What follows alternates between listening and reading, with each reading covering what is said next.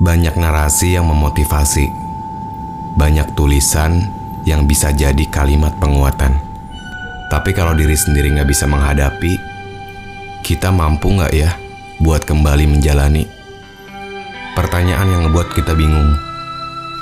Ada yang bilang kalau hidup itu nggak adil buat semua orang. Tapi sampai sekarang, kita masih belum bisa menerima keadaan. Belajar buat ya udah, tapi kayaknya susah. Belajar buat gak apa-apa, malah sedih yang kita terima. Mungkin mata kita mulai lelah karena air mata yang terus-terusan makin bertumpah. Kita mendarat Semesta, tolong buat ini seolah-olah permainan supaya kita ngejalaninnya lebih menyenangkan.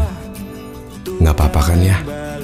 terbang masih banyak tujuan yang belum kau singgahi Istirahatlah. Kembali terbang.